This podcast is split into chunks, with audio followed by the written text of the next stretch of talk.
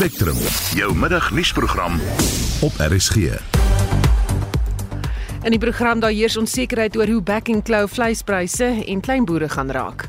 because now we're not sure when this uh, foot mouth disease is going to end. So you can imagine if it stretches for six months, how people are going to live. So it's going to be a big problem. Parlementslede is die Josie in na hoofregter Raymond Zondo sê hulle kan nie met die stryd teen staatskaping vertrou word nie en die internasionale atoomenergieagentskap beveel aan dat alle militêre magte van die Zaporizhzhia kernkragsentrale onttrek word. All efforts to re-establish the plant as purely civilian infrastructure are vital. As a first step, Russian and Ukrainian forces must commit not to engage in any military activity towards the plant site or from the plant site. Welkom by Spectrum. Die redakteur is Hendrik Martin, produksieregisseur Johan Pieterse en ek is Susan Paxton.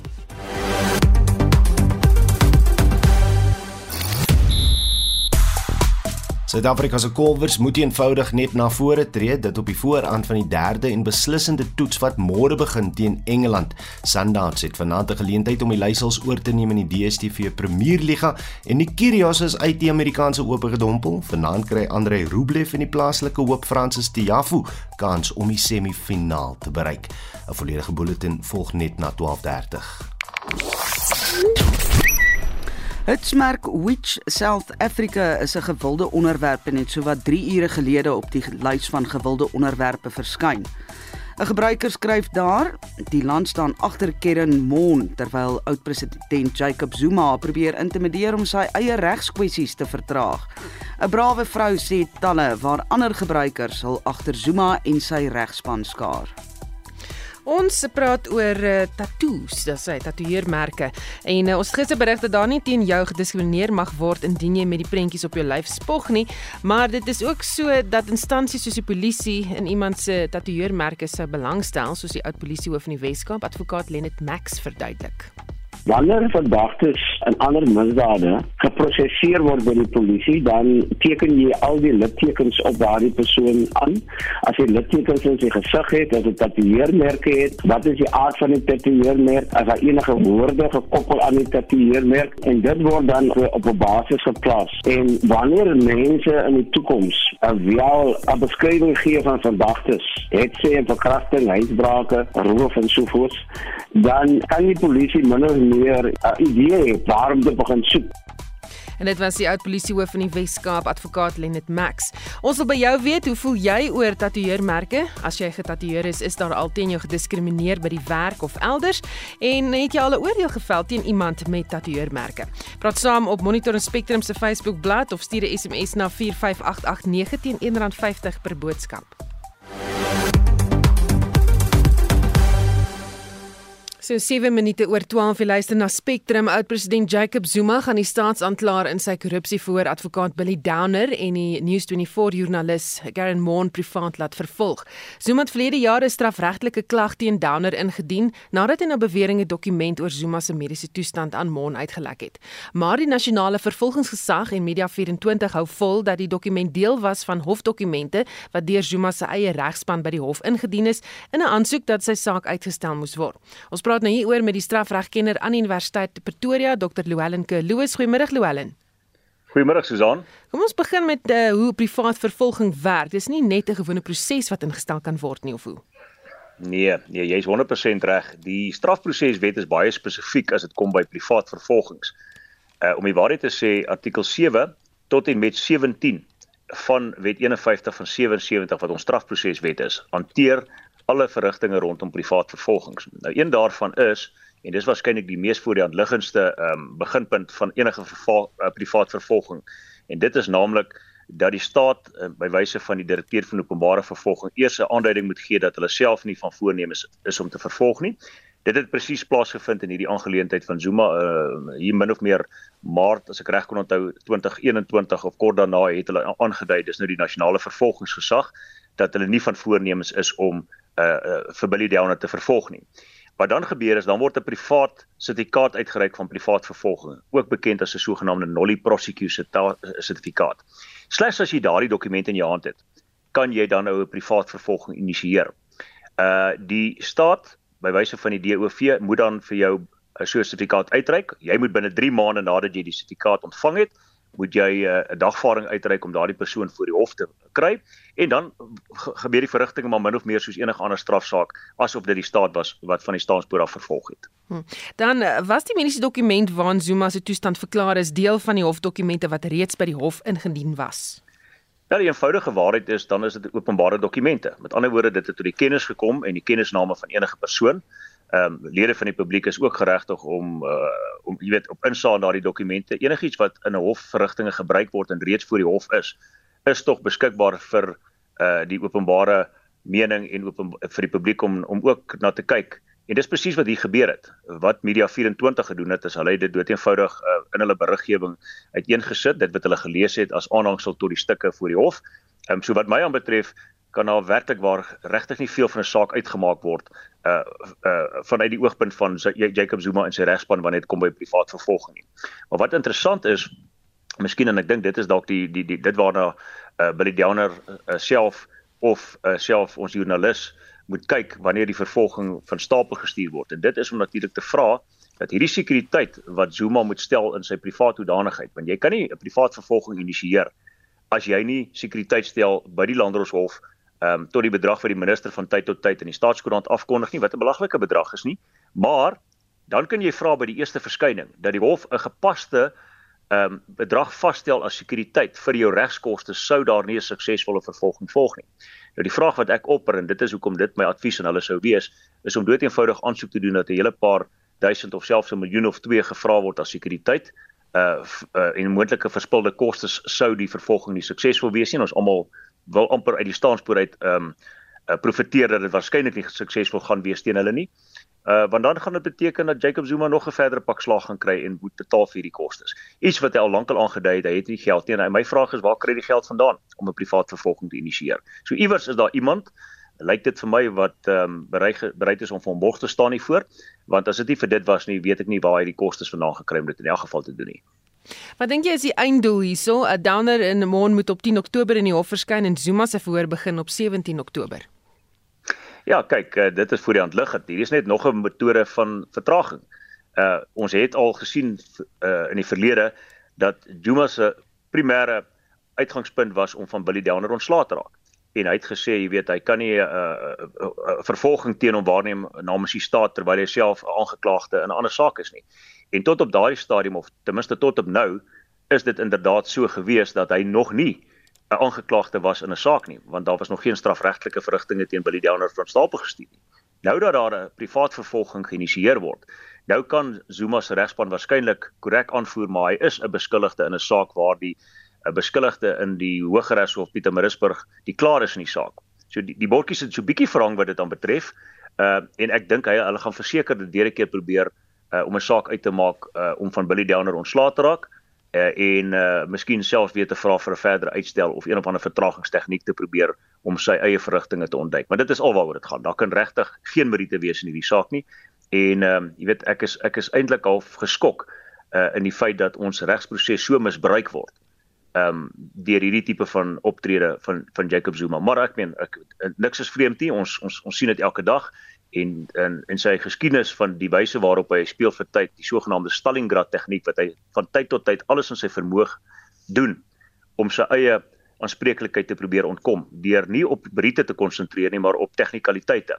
Het dit al uh, soveel keer van tevore uitgewys en hier is maar net nog so 'n voorbeeld. Hm. Dit is egter 'n ernstige strafregtelike aanklag wat 'n swaar vonnis dra indien iemand skuldig bevind word. Ja, jy kan tot 15 jaar tronkstraf opgelê word. Dit is so maar daar's 'n beginsel in strafreg wat mense nie die uh, oog moet verloor nie. Om skuldig te wees aan min of meer die meeste Suid-Afrikaanse uh misdade, moet jy skuld in die vorm van opset openbaar. Met ander woorde, hof moet bo redelike twyfel bevind dat jy opsetlik 'n uh, misdaad gepleeg het. En ek kan nie in hierdie verrigtinge vinnig 'n saak uitmaak en en, en soos ek sê, jy weet ons sal nou maar moet sien as die getuienis voor die hof geplaas word.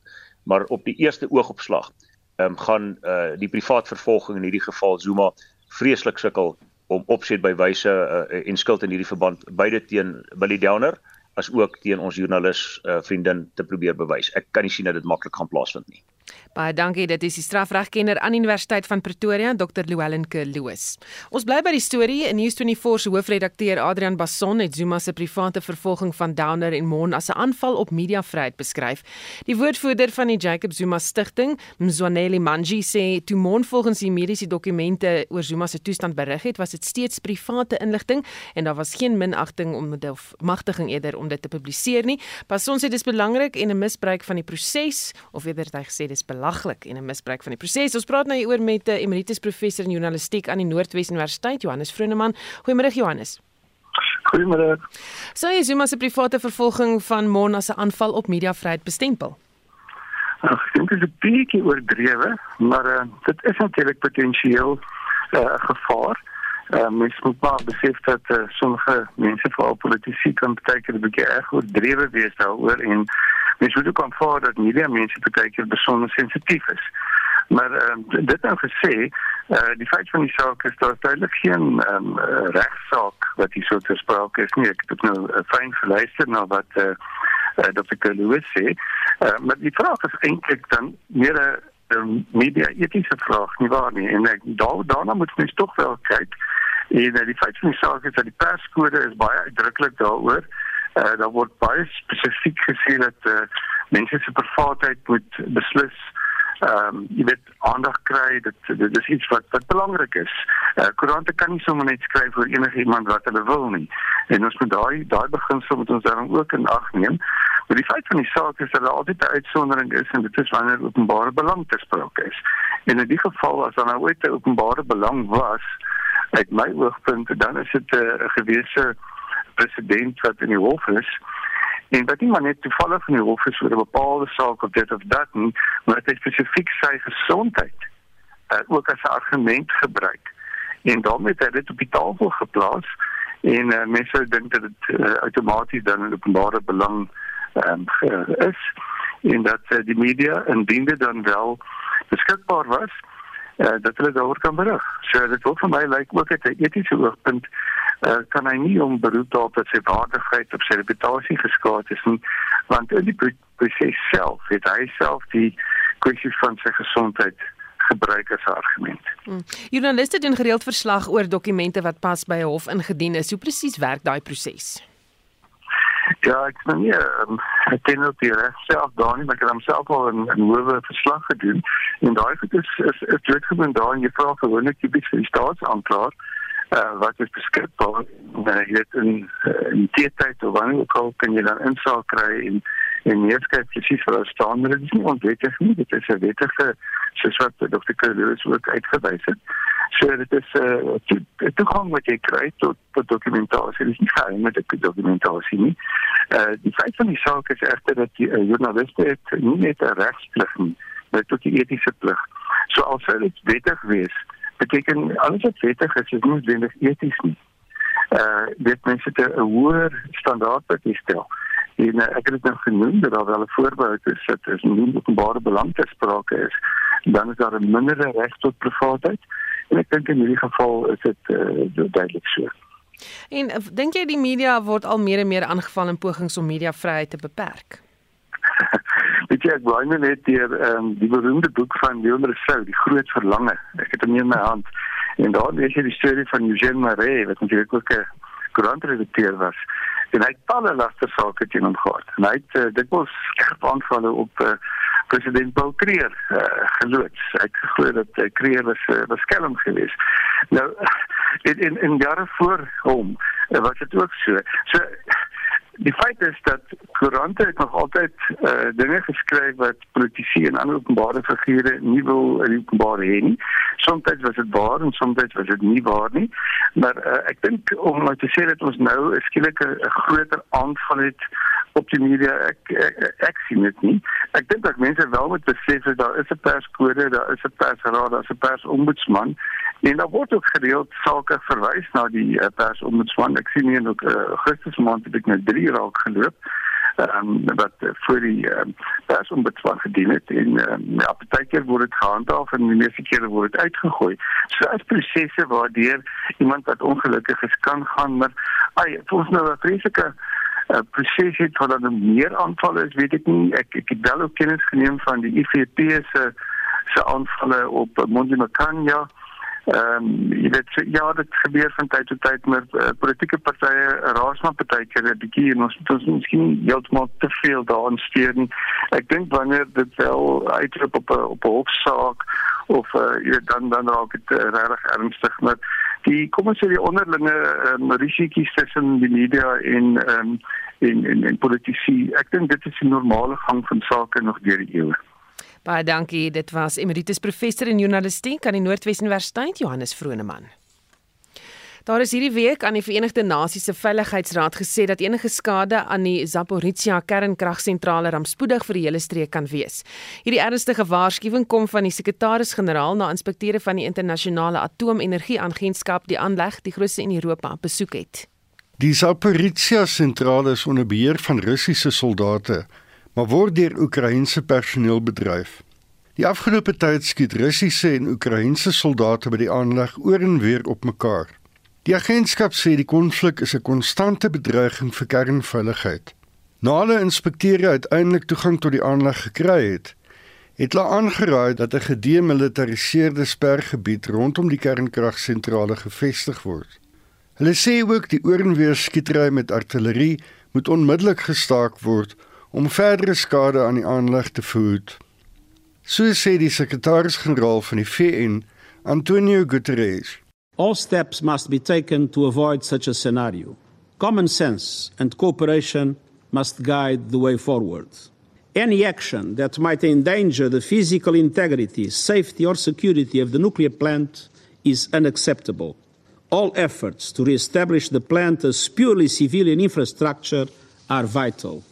As a first step, Russian and Ukrainian forces must commit not to engage in any military activity towards the plant site or from the plant site. Zaporizhia facility and its surroundings must not be a target or a platform for military operations.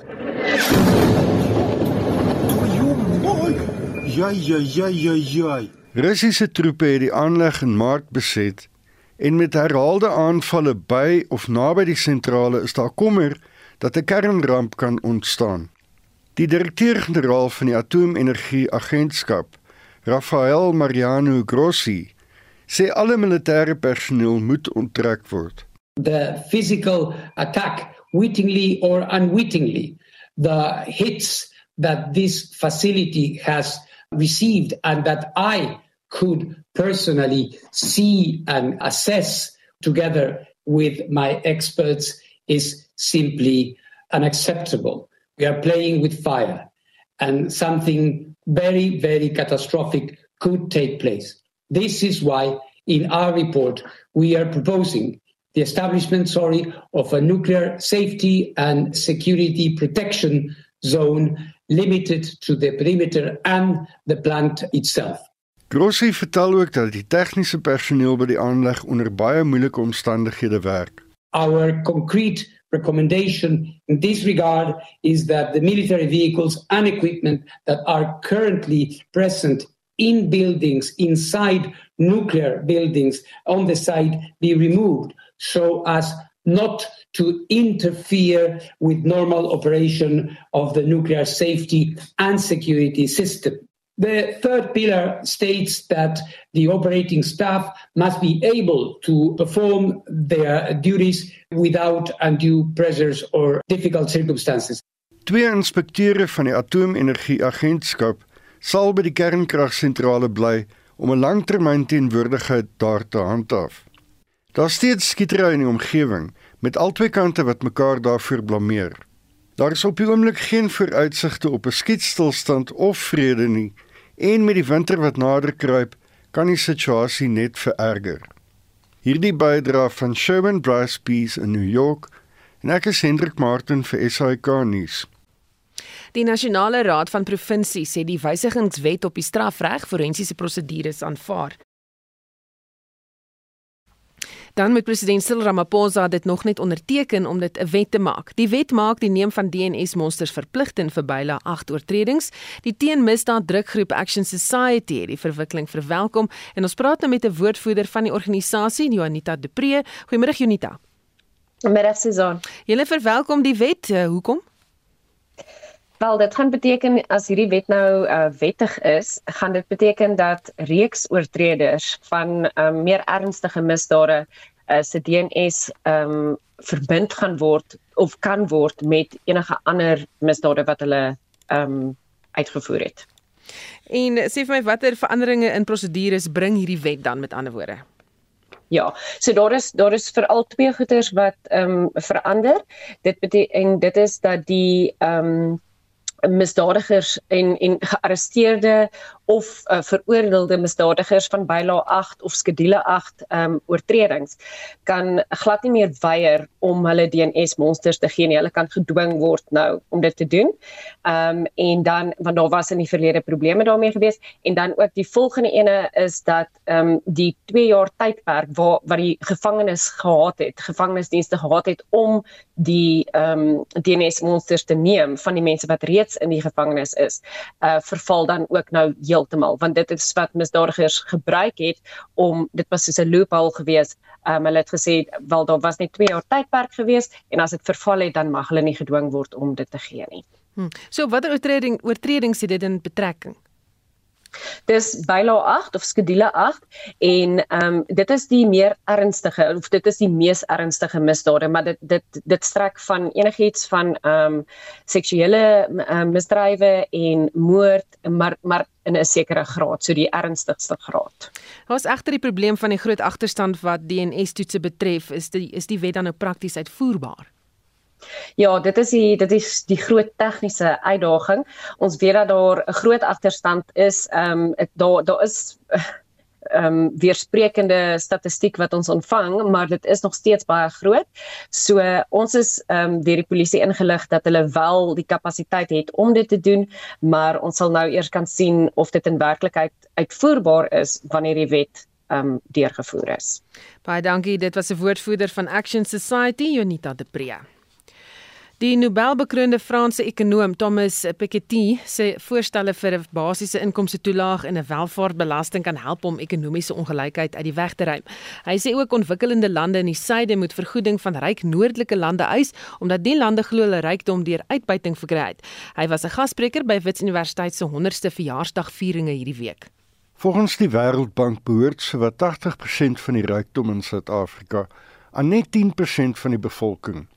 Piketty sê om ongelykheid in Suid-Afrika soos ander ontwikkelende ekonomieë uit te verg globale sowel as plaaslike beleidshervormings. Northern countries, you know, try to design ways in order to split between themselves some of the tax base that was located in tax havens, and very little went to the global south, you know, to countries like uh, South Africa or Brazil or India or, or Nigeria, whatever. So I think it's very important, you know, to put on the table and the agenda for future discussion a system where, you know, every country in the world receives at least a share of tax revenues coming from the most prosperous and powerful economic actors of the world. Die direkteur van die Wêreldhandelsorganisasie, Ngozi Okonjo-Iweala, sê Afrika lande moet hulle verskaffingsketTINGS diversifiseer en met mekaar handel dryf om te. We are actively talking to companies, developed countries, to take a strategy of global diversification of value chains. That way, they can bring, look at Africa. South Africa has the conditions. You have a high unemployment, but you do have the macroeconomic environment, maybe not as good as it used to be. But South Africa is capable of attracting some of these supply chains for pharmaceuticals and other industries. You already have some of them. and I call it re-globalization. So let's not talk of deglobalization and fragmentation. Let's talk of re-globalization. Die presidensiële ekonomiese raadgewer, Trudy Makaya, sê egter Suid-Afrika moet versigtig wees om nie klein en medium besighede te oorreguleer nie, want dit kan groei strem en ongelykheid vererger. Sy sê die regering het reeds met deregulasie in sommige gevalle begin. some of the exemptions that you would have at smaller and informal businesses that would benefit. We saw recently, for instance, in the competition space, But we've seen an exemption for smaller businesses from certain kinds of competition regulation that, in a sense, go against what we often think of as competition regulation. So, exemptions that would allow small businesses to collaborate, for instance. But they're too small, really, to change market outcomes or to have harmful cartel behavior. So, allow them to do some of those things that increase their bargaining power. Piketty is die skrywer van talle boeke wat die blitsverkoper Capital in the 21st Century insluit. Hierdie bydra van Naledi Ngobu en ek is Hendrik Martin vir SAK nuus. Parlementslede het hoofregter Raymond Zondo se stellings die afgelope week dat hy nie vertroue in die regering se vermoë het om 'n Gupta staatskaping in die toekoms te kan verhoed nie, nie goed ontvang nie. Die spreker van die parlement, Nosiviwe Mapisa Nkakula en die voorsitter van die Nasionale Raad van Provinsies, Amos Masondo, is van die parlementslede wat aangedui dat hulle later met Zondo oor die stelling sal vergader. Zondo het die stelling gemaak tydens die Netwerk 24 ander rekordkonferensie in Sandton en ons praat nou met Dr Pieter Mulder wat 'n politieke ontleder en voormalige parlement parlementslid is. Goeiemôre Pieter. Uh, Goeiemôre Susan. Is hy reg sal die parlement nie 'n staatskaping kan verhoed as hy nie sy toesighoudende rol vervul nie? Kom ek sê die parlement is alles se eintlik Zuma meng in die wetgewende gesag, maar ek is bevrees hy baseer sy bekommernis op sy ondersoek net en sy laaste verslag is om gaan kyk spandeer Zondo amper 200 bladsye daarin om aan te toon hoe die parlement nalatig was en nie sy werk gedoen het in die staatskaping van Zuma nie. En nou is hy skepties want daar nog regtig veranderinge in die parlement plaasgevind uiteindelik nie en daarom dink ek is onbillik om daarop te kritiseer. Kom ek gee 'n voorbeeld. Toe die eerste verslag verskyn het, was die spreker traag om te reageer daarop. Um, hy het gesê sy wag vir die finale verslag. Dit was uiteindelik nodig om met uh, oppositie druk en regsmening aan te forceer om die derde te verskillende verslae op te reageer. En interessant en daardie verslag word spesifiek na parlementslede verwys. So Cedric Frolik bevoel en hy is toe sy naam is toe verwys na die etiese komitee, maar dis nou maande later ons nog niks gehoor nie. Ek kan byvoorbeeld na Mkhize verwys. Oudness Mkhize, hy was wel vir die etiese komitee toe aangekla omdat hy by sy huis sekere verbeteringe aangebring het en ek het deel van daai digital vibe soort van uh, verslag en tender en ek het eintlik onskuldig bevind. Deur die parlementslede om te sê maar sy seun het die e-posse en die rekeninge ontvang. Dit is nie aan hom gestuur nie en sy seun is nie onmiddellik 'n familie van hom omdat hy al die huis het is. So daar is met redelik kommernis of die parlement. Dit sal kan hanteer op grond van die verlede jaar Nou die spreker het in 'n verklaring gesê daar sal dringende noodmaatreëls ingestel word om Zondo se aanbevelings na die staatskapingskommissie te implementeer. En uh, sodra so iets nie of sodat iets dan nou nie weer gebeur nie, watse tipe maatreëls sal dit nou wees? Wel kom ek sê skien moet ons eers vir met ek versigtig wees om te skepties te wees dat ons miskien moet wag dat die finale verslag kom en dat ons kyk hoe die parlement reageer. Maar om saak te stel, ek is skepties uiteindelik want ek sien nie duidelike mate. Ek kom ek gee net 'n voorbeeld, ek wil nie ingewikkeld maak nie. Alle alle goeie staatsstelsels verdeel die staatsmag in drie, ander die wetgewende gesag, dis die parlement wat die wette maak, die uitvoerende gesag wat die wette uitvoer, dis die kabinet en die regtelike gesag wat die mense moet straf as hulle die wet oortree. Nou die parlement is die portefeulje komitee is die waghonde wat nou oor die kabinet of uitvoerende gesag moet toesig hou uiteindelik. Elke departement het so 'n portefeulje komitee. En die Amerikaanse stelsel is 'n minister nie lid van die parlement of hulle kongres nie, juis om daai skeiding te kry, maar ons het die Britse stelsel oorgeneem. So die ministers, die kabinetslede, uitvoerende gesag sit ook in die parlement. So hulle is nou kollegas van die ANC in dieselfde kulkus.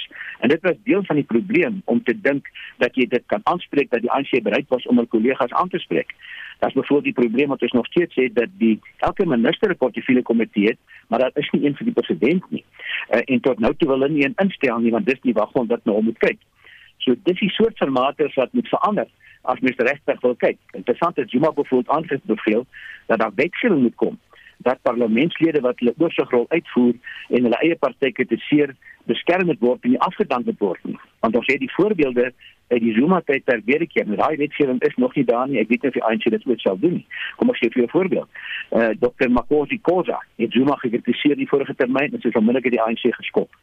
Die portefeulje komitee openbare ondernemings, dis waaronder Eskom in die geval het, het geweier om in die Zuma tyd enigstens ondersoek in te stel omdat die voorsitter Zuma was. Toe kom maar 'n nuwe voorstel, mevrou Rand toe. En sy was bereid om getuies te roep en die parlement se taak gedoen het, maar Ys Magashule wat die aansekretaris-generaal was, het beheer oor die kandidaatelyste. So sy het geskraap van die kandidaatelys en het nie weer die parlement gaan met hulle met nie verkiesing nie. So dis al hierdie maniere wat gebruik kan word en voor jy nie dit gaan verander nie, van die parlement baie moeilik kan dit die regter se taak doen. Onthou in die Amerikaanse parlement byvoorbeeld kongres en die Britse een is parlementslede bereid om te stem die bekende stempartye saam met demokrate. Maar ons het die voortgedurende stelsel geërf waar niemand afwyk van hulle kokesbesluite nie. En voor dit nie verander nie, gaan dit bitter moeilik wees. Ons het dit eendag reg gekry met 'n geheime stemming. Sodat teen Zuma was daar bereik 30 ANC-lede om teen Zuma te stem. Maar andersins het hulle blok gestem deurlopend en tot nou toe lyk dit my dis hoekom ek skepties is, maar kom ons gee hulle 'n billike kans. Dalk is ek verkeerd. Baie dankie. Dit was Dr Pieter Mulder, politieke ontleder en voormalige parlementslid. Jy luister na Spectrum. Elke week tussen 12 en 1. Nog in die nuus, die voormalige direkteur van Geestesgesondheidsdienste in Gauteng, Makgwabu Manamela het vir die soveelste keer versuim om vir die geregtelike ondersoek na die Life Esidimeni tragedie op te daag. Die Verenigde Nasies se Kinderfonds in Suid-Afrika, UNICEF SA, het bekend gemaak dat bykans 150 000 kinders weens die koronaviruspandemie weesgelaat is en daar is onsekerheid oor hoe back and close hier vleispryse en opkomende boere gaan raak. Because now we're not sure when this uh, foot mouth disease is going to end. So you can imagine if it stretches for six months, how people are going to live. So it's going to be a big problem. Bly ingeskakel.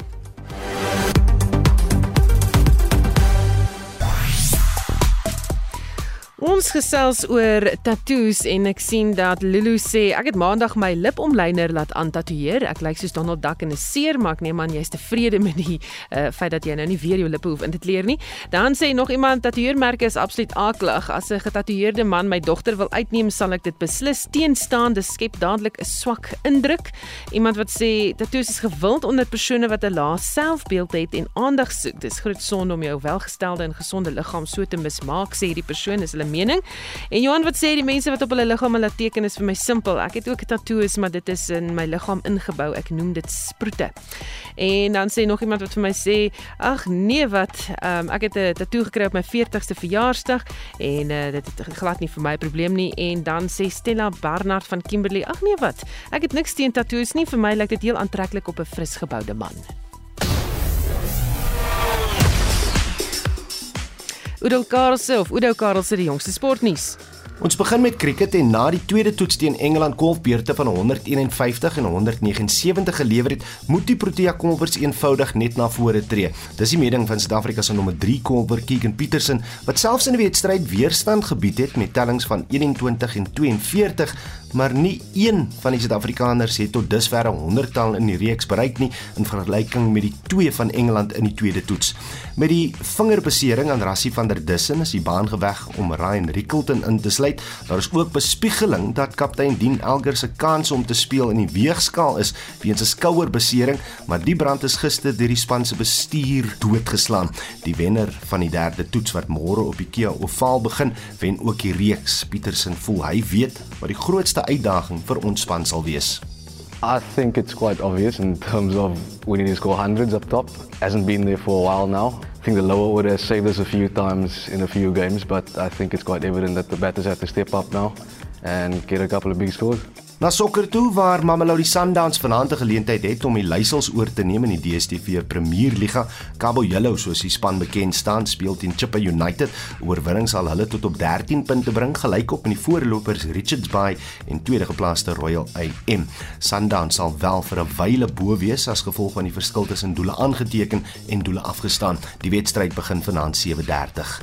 In die Europese Kampioene Liga kom Liverpool vanaand in Italië teen Napoli te staan. Tottenham is tuis teen Marseille van Frankryk, Barcelona speel teen die Tsjechiese span Victoria, Atletico Madrid tuis teen Porto, terwyl Inter Milan Bayern Munich verwelkom by die San Siro. Hierdie wedstryde begin 9uur. Ajax Amsterdam teen Skotland se Rangers, Eintracht Frankfurt teen Sporting Lisbon. Hierdie wedstryde begin kwart voor 7. In tennisnuus is die Australier Nick Kyrgios vroeg vanoggend in die kwart eindstryd van die Amerikaanse Ope uitgeskakel. Die Rus Karen Khachanov het 4 stelle nodig gehad vir die oorwinning. Afrika se Ons Jabeur is ook deur na die dames semifinaal na haar 6-4 7-6 oorwinning teen Alia Tomljanovic van Australië. In vandag se kwart eindstryd vir dames speel Karolina Pliskova van die Tsjechiese Republiek teen Belarus se Ariana Sabalenka en in die mansafdeling wag daar 'n plek in die semifinaal vir Rusland se Andrei Rublev of die groot verrassing van hierdie jaar se toernooi van Amerika, Francis Tiafoe, albei kwart uitstryde vind net na 6 uur vanaand plaas.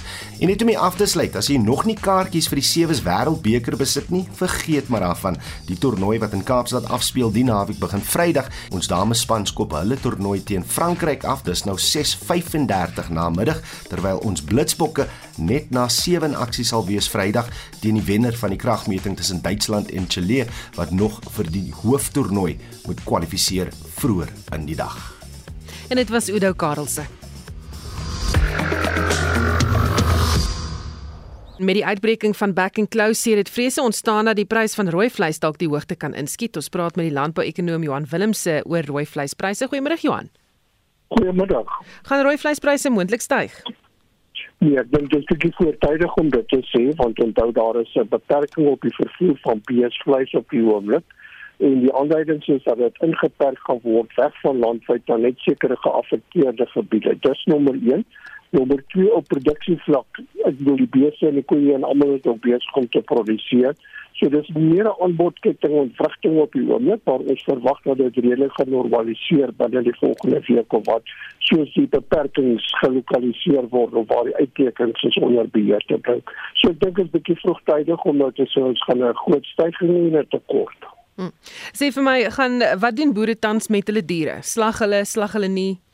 nie hulle kan nie slag nie in die, in die gebiede waar die vervoer beperk is slag hulle nie op die oomblik nie. So die diere is op die plase beskikbaar. Hulle word natuurlik bietjie swaarder van die voerkraal en loop leeg maar dis nie asof die produksieproses van die diere gestop het die glad nie. Onthou skaap en vark en hoender is nog steeds aan die aan die produseer en beskikbaar.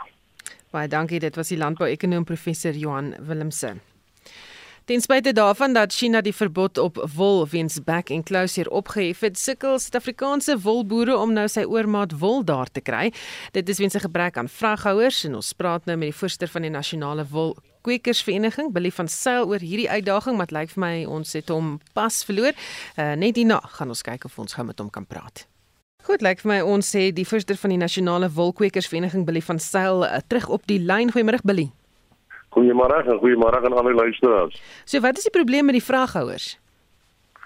Ja, so dis die die, die vraghouers se probleem kom al ongelukkig 'n rukkie aan en dit het al begin in COVID tyd toe die hawens en alles gestaak is en die vraghouers is net daarna het die wêreld weer oopgemaak en toe kry China COVID en dit was al die skepe en die vraghouers om om die hawens van ehm um, van China vasgevang en toe China oopmaak toe kry Suid-Afrika ongelukkig back and close hier en toe is daar nie meer wol in Suid-Afrika om uit te voer nie want China het so al vir verbod op ons wol gesit. So dit is 'n lang storie hoe die vraghouers nie in die skepe nie die die die, die wol uit Suid-Afrika kan kry nie maar dis 'n kort wat die wat die oorsaak is.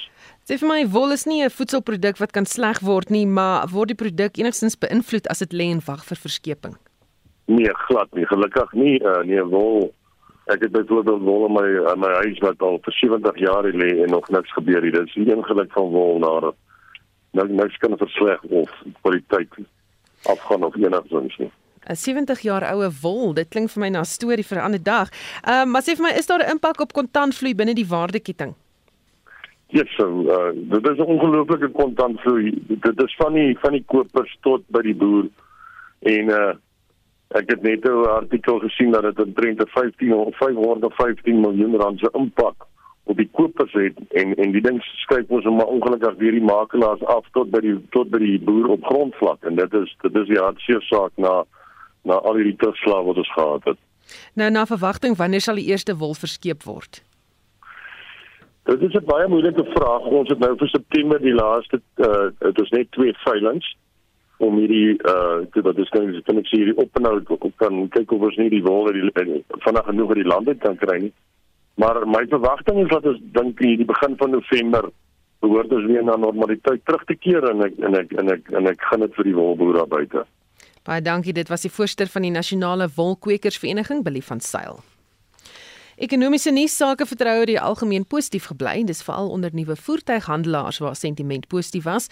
Dit het ook die negatiewe groei in die bousektor weerstaan. Dit is van die bevindinge in die jongste sake vertroue indeks van die Buro vir Ekonomiese Ondersoek en Rand Aksep Bank. Ons praat met Rand Aksep Bank se hoof-ekonoom Etienne Leroux. Goeiemiddag Etienne.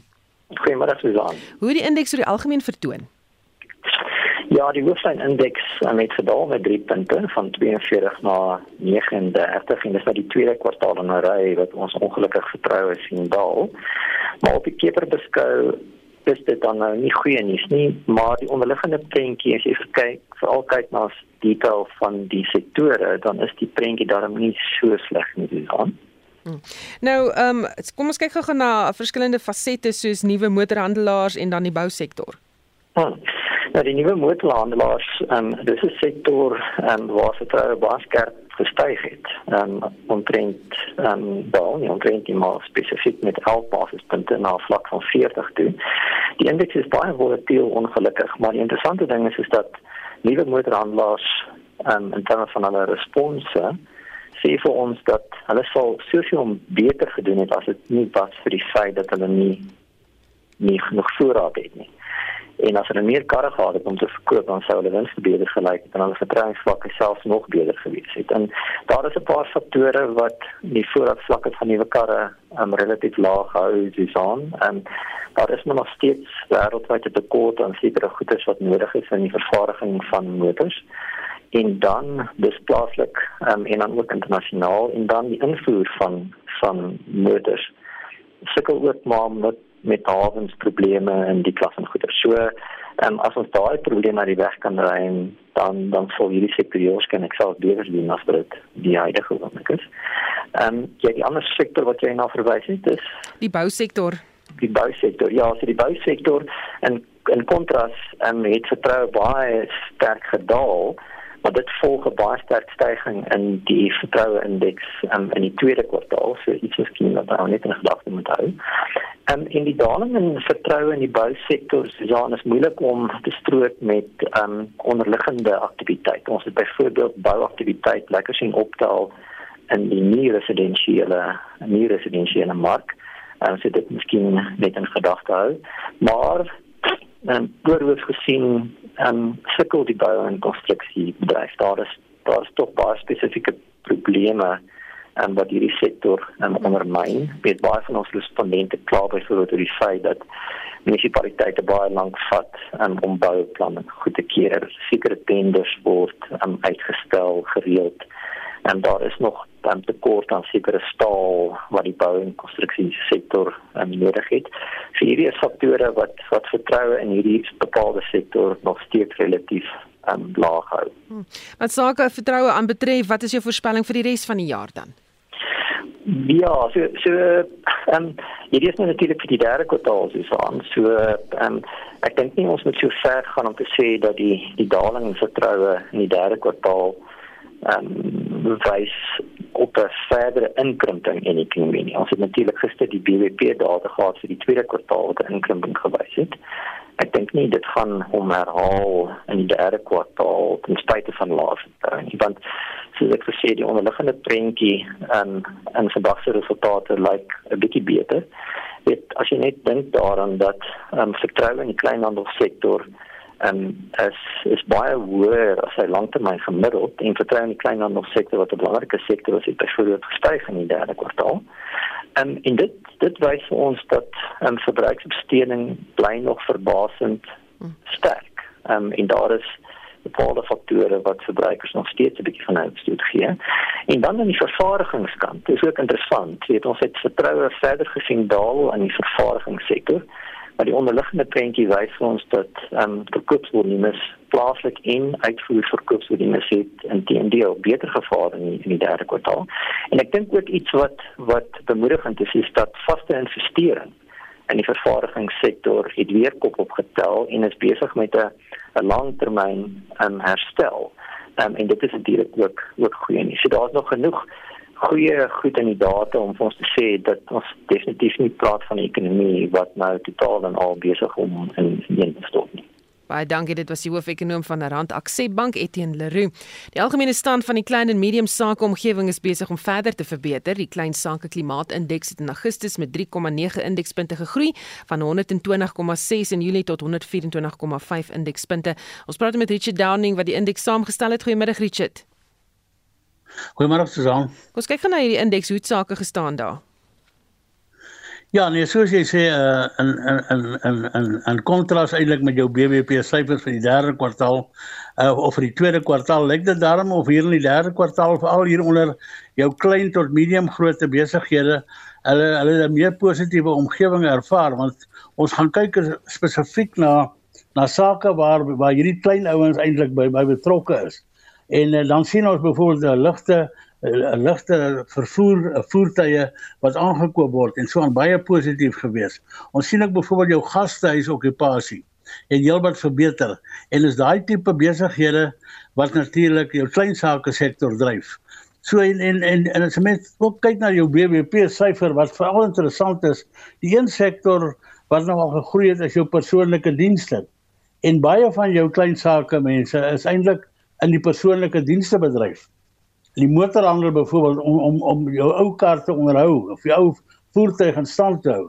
Nou daai mense kry nou skielik baie meer werk en daar is getuienis daarvan dat jy eintlik sukkel om by hierdie ouens in te kom. So aan die klein sake kant en restaurantkant, kry 'n gastehuiskant lyk dinge heelwat beter en selfs as 'n mens gaan kyk na die medium en en en en en en groter kapitaal op die JSE, die aandele daar, dan lyk dit ook beter. So daar is daar iets wat positief is, maar soos ons nou weet, die klein klein sake, medium groot besighede, as jy die groot ouens wat natuurlik die ekonomie dryf nie, ons weet wat met mynbouproduksie gebeur het en met fabriekswese en uh, selfs kleinhandel waarvan ons nou gehoor het wat uh, redelike positiewe vooruitsigte altyd dis maar die aard van besighede om altyd positief te wees oor dit wat kom, maar ons weet daar was 'n daling eintlik jaar op jaar hier van omgewing van amper 3% in in volume terme by kleinhandel. So dinge is nie altyd so gemaklik nie. En natuurlik hoë rentekoerse, beerdkrag en so aan veral jou kleiner besighede, lyk dit of of hulle uh, verby kan kom op 'n sekere mate, maar jou meer groter besighede het 'n groter probleem met beerdkrag. En ek dink dit is hoekom hierdie indeks so 'n bietjie in teenstelling is met die algemene neiging in die BBP selfs. Baie dankie, dit was die ekonom Richard Downing. Die sakenis word aangebied deur Robert Cameron, portefeuljebestuurder by Fisher Dugmore Sekuriteite. Goeiemôre Robert. Goeiemôre Susan, goeiemôre luisteraars. Ons Wall-street markte staan swakker vandag. Die indeks vir alle aandele verloor op hierdie stadium 1,1% of 730 punte. Hy staan tans op 66810 punte. Die top 40 indeks ook af met 1,1%. Die Hulbron indeks af met 1,2%. Die Nasdaq indeks verswak so 0,4% en dan die finansiële indeks is op hierdie stadium af met 2,4%. Ons kyk na enkele aandele wat uh, aandag trek. PSG is af met um, 74%, maar dit staan nadat die maatskappy X uh, is van 'n ontbondeling van vyf maatskappye wat hulle die uh, aandele uit uitgee aan um, aandeelhouers. Uh, daar prys op die stadium se R22.60. Dan Discovery af met 7% R114.40. Dit staan nadat die resultate bymekaar uh, be bekend gestel het wat die mark uh, redelik teleurstel. Sasol uh, af met 5,2% op R317.20. Uh die is dan ook ex-dividend van R14.70. Uh, uh Shoprite laasens herstel uh, van gister se val uh na sy resultate bekend gemaak het. Sou op hierdie stadium is hy sterker met 3,1% R224.30. Dit se koerse die rand uh, swak uh, vandag teenoor die Franse geldeenhede 17.38 teenoor die dollar uh 17 rand 20 teenoor die euro en 'n Britse pond kos nou so 19 rand 93. Uh kommoditeitspryse, die gaspryse is 1704 dollar per fyn ons platinum uh, 862 dollar en dan die Brentolieprys op die stadium so 93 rand 40 uh 93 dollar 40 per vatjie Brent skiet tog. Uh internasionaal sien ons oornag het die Dow Jones verswak met 0.5%, die Hang Seng vroeër vanoggend gesluit uh in die negatief met so 0.8%. Die groot Europese markte ook rooi vandag. Die FTSE 100 in Londen verloor so 0.6%, die DAX in Frankfurt af met 0.4 en die CAC 40 in prys ook af met 0.4%. Dan los ons die S&P termynmark sterker met so 0.2% en dit dui dan op 'n steviger opening uit Amerika later vanmiddag. Baie dankie dis een van vandag se sake nuus. En dit was Robert Cameron, portefeuljebestuurder by Fisher Dugmore Sekuriteite. Is steeds nie seker watter soort gif gebruik is om honderde aasvoëls verlede maand in die wildtuin te vergiftig nie. Meer as 20 aasvoëls wat vroeër in die Kreer wildtuin dan nou vergiftig is, is daarom weer vrygelaat. Die voëls is by die Moholoholo Rehabilitasiesentrum naby Hoedspruit in Limpopo gehuisves en behandel. Ike Bagla, woordvoerder van die Nasionale Kreer Wildtuin, sê meer as 100 witrig, monnik, witkop en Kaapse aasvoëls het gevrek nadat hulle aan 'n vergiftigde karkas gevreet het.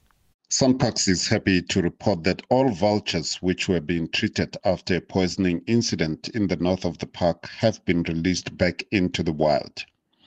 They were fitted with tracking devices, and many have been observed flying all over the park and into other neighboring areas. We are still waiting for the toxicology report to identify what kind of poison was used and following up on police investigations. We are grateful, however, to our rangers, the support from Endangered Wildlife Trust and Moholoholo Rehabilitation Center. Their swift action saved the lives of these remaining birds. We are hopeful that perpetrators of this heinous act will be found and prosecuted. En dit was die woordvoerder van die Nasionale Kreer Wildtuin, Ike Pagla. En Estie het vir ons die nuus en ontwikkelende stories dopgehou, Estie. Ja, Susan, oud-president Jacob Zuma gaan die staatsanklaer in sy korrupsieverhoor advokaat Billy Downer en die News24-joernalis Karen Moon privaat laat vervolg. Zuma het verlede jaar 'n strafregtelike klag teen Downer ingedien nadat hy na bewering 'n dokument oor Zuma se mediese rekord aan Moon uitgelek het. Maar die nasionale vervolgingsgesag en Media24 hou vol dat die dokument deel was van hofdokumente wat deur Zuma se eie regspan by die hof ingedien is. Hier is die strafregkenner aan die Universiteit van Pretoria, Dr. Louwelen Kerloos. Net wanneer mens dink jy het als gehoor, dan verneem jy dat Jacob Zuma se regspan 'n privaat vervolging wil instel teen advokaat Billy Downer en 'n bekende joernalis.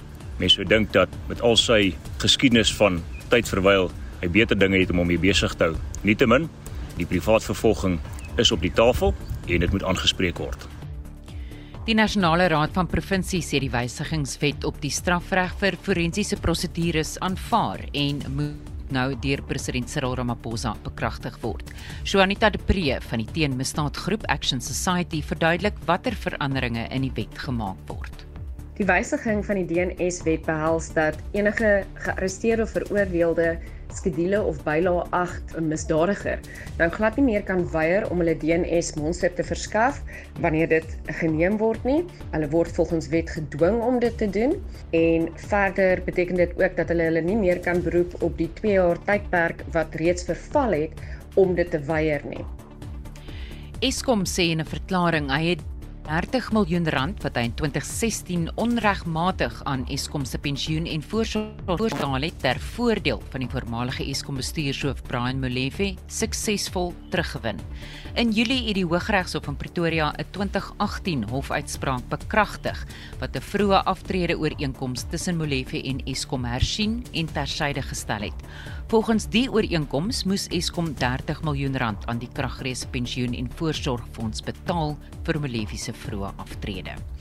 En in brandpunt om kwart voor 6 vanmiddag berig ons onder meer oor Google se nuwe ondersee kabel wat Afrika se kubervermoë gaan verbeter en die Suid-Afrikaanse ekonomie 'n hupstoot gaan gee. En dit was Estie met 'n oorsig oor die nuus en ontwikkelende stories. En daarmee groet die Spectrum span baie dankie dat jy saamgesels het vanmiddag. Ons groet namens ons uitvoerende regisseur Nicoline de Wee, vandag se redakteur Hendrik Martin en ons produksieregisseur Johan Pieterse. My naam is Susan Paxton. Geniet jou middag.